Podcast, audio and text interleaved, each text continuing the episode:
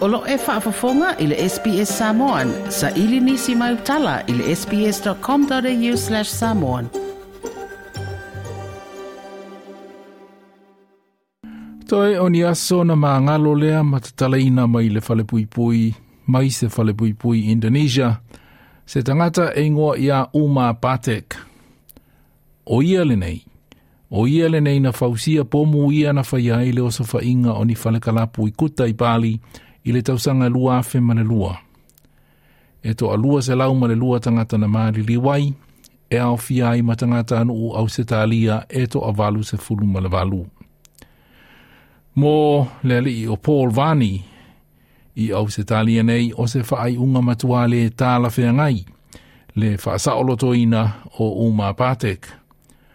O Paul Vani i le tausaga lua afe ma le lua, o lo ta alo la kapiliki, ma na ta fafao i Bali ma nisi o le au.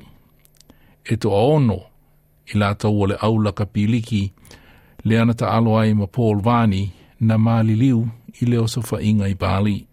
We're completely outraged. We just cannot believe that some, somebody could make a decision like this to allow an assassin and a murderer out of prison in, in 10 years, so close to the 20th anniversary of, of that bombing. It's just frightening. We, our members, our, our families, our, our friends, we just cannot believe it. We're in absolute shock and awe. And for the, for the little amount of publicity that it had received or, or knowledge of this person being released, there was zero. There was nothing. There was no communication, nothing. O le alii o Umar Patek, na o le Demolition Man, o na olona tomai i le whawina o pōmu. Na saunoa Paul Vani i le tūlanga la matia o le saonga le mu, i le te i tua o Umar Patek. It, it brings fear to some people, um, allowing somebody with these skills back out into the streets, whether they say he's reformed or not. I, I don't believe it. You can't be. For somebody to do that in the first instance, I don't care how much reprogramming or mind manipulation, you, you cannot bring somebody like that back into, back into the community safely. E ui o ia na whawina pomu na whaiai leo sa whainga, e lata i le se fulu tausanga o lafi ma sola sola o ma patek mai leo leo. Na mulimuliane pu e ina o ia masaisai i Pakistan i le tausanga e lua fe se fulu malatasi, ma toa e whaafo i mai ai i Indonesia e tali i ona mōlianga. I leo sa whainga o Fale Kalapu i Bali i le lua fe ma le lua, a toa i manisi mōlianga i o sa whainga na whaia i malu malu po falasa o le tāpua inga kerisiano i le tausanga e lua afe. E lua sa fulu tausanga i le fale pui pui lo na whaasalanga na au mai e le whaamasinonga. Ai olea wali patia mai, le ono te ina o ia, ai le imae ao na tuli le afa o lo na whaasalanga.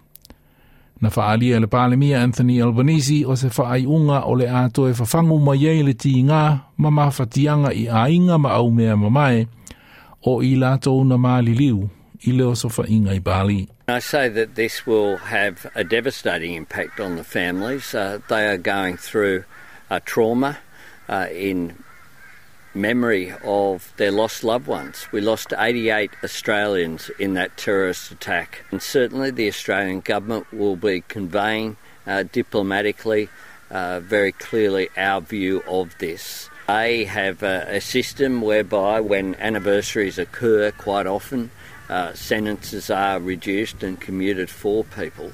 Uh, but uh, when it comes to someone who's committed uh, such a heinous crime, a, a designer and maker of a bomb uh, designed to kill people, to kill and maim, uh, then uh, we have a very strong view. Indonesia, of course, is a sovereign nation, uh, but we, we do respectfully put forward our view in the strongest possible terms about this.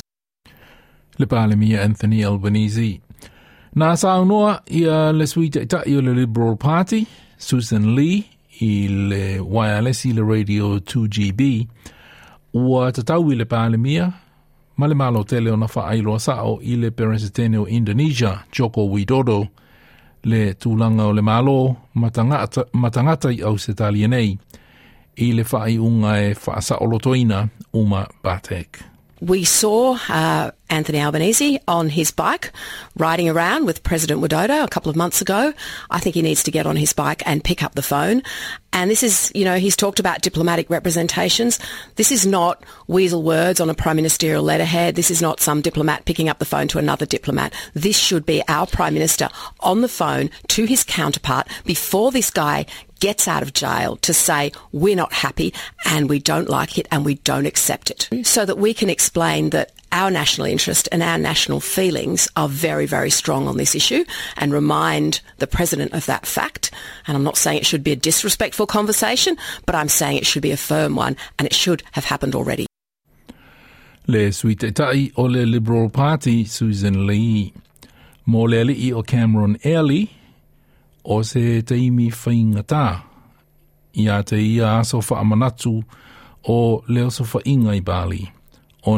tina, se tasi o tangata au se talia na mali wai. I believe that the government should do a little bit more, maybe not behind closed doors, come out publicly and, and say something a bit stronger.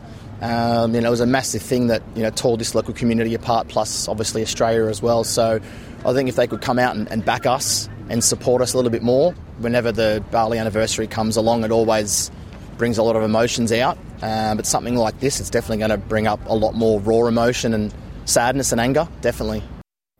Cameron Airley. O le aso se fulu le lua o ke topa, o le tausanga nei, e ato tonu ia i le lua se fulu tausanga, o le o sofa inga Bali. O le reporting na wha poina e Amelia Dunn, mo le SBS News. Toe fia whaafafonga i nisi tala whaapea? Whaafafonga i le Apple Podcast, le Google Podcast, Spotify, ma po o whea lawa e mawailau podcast.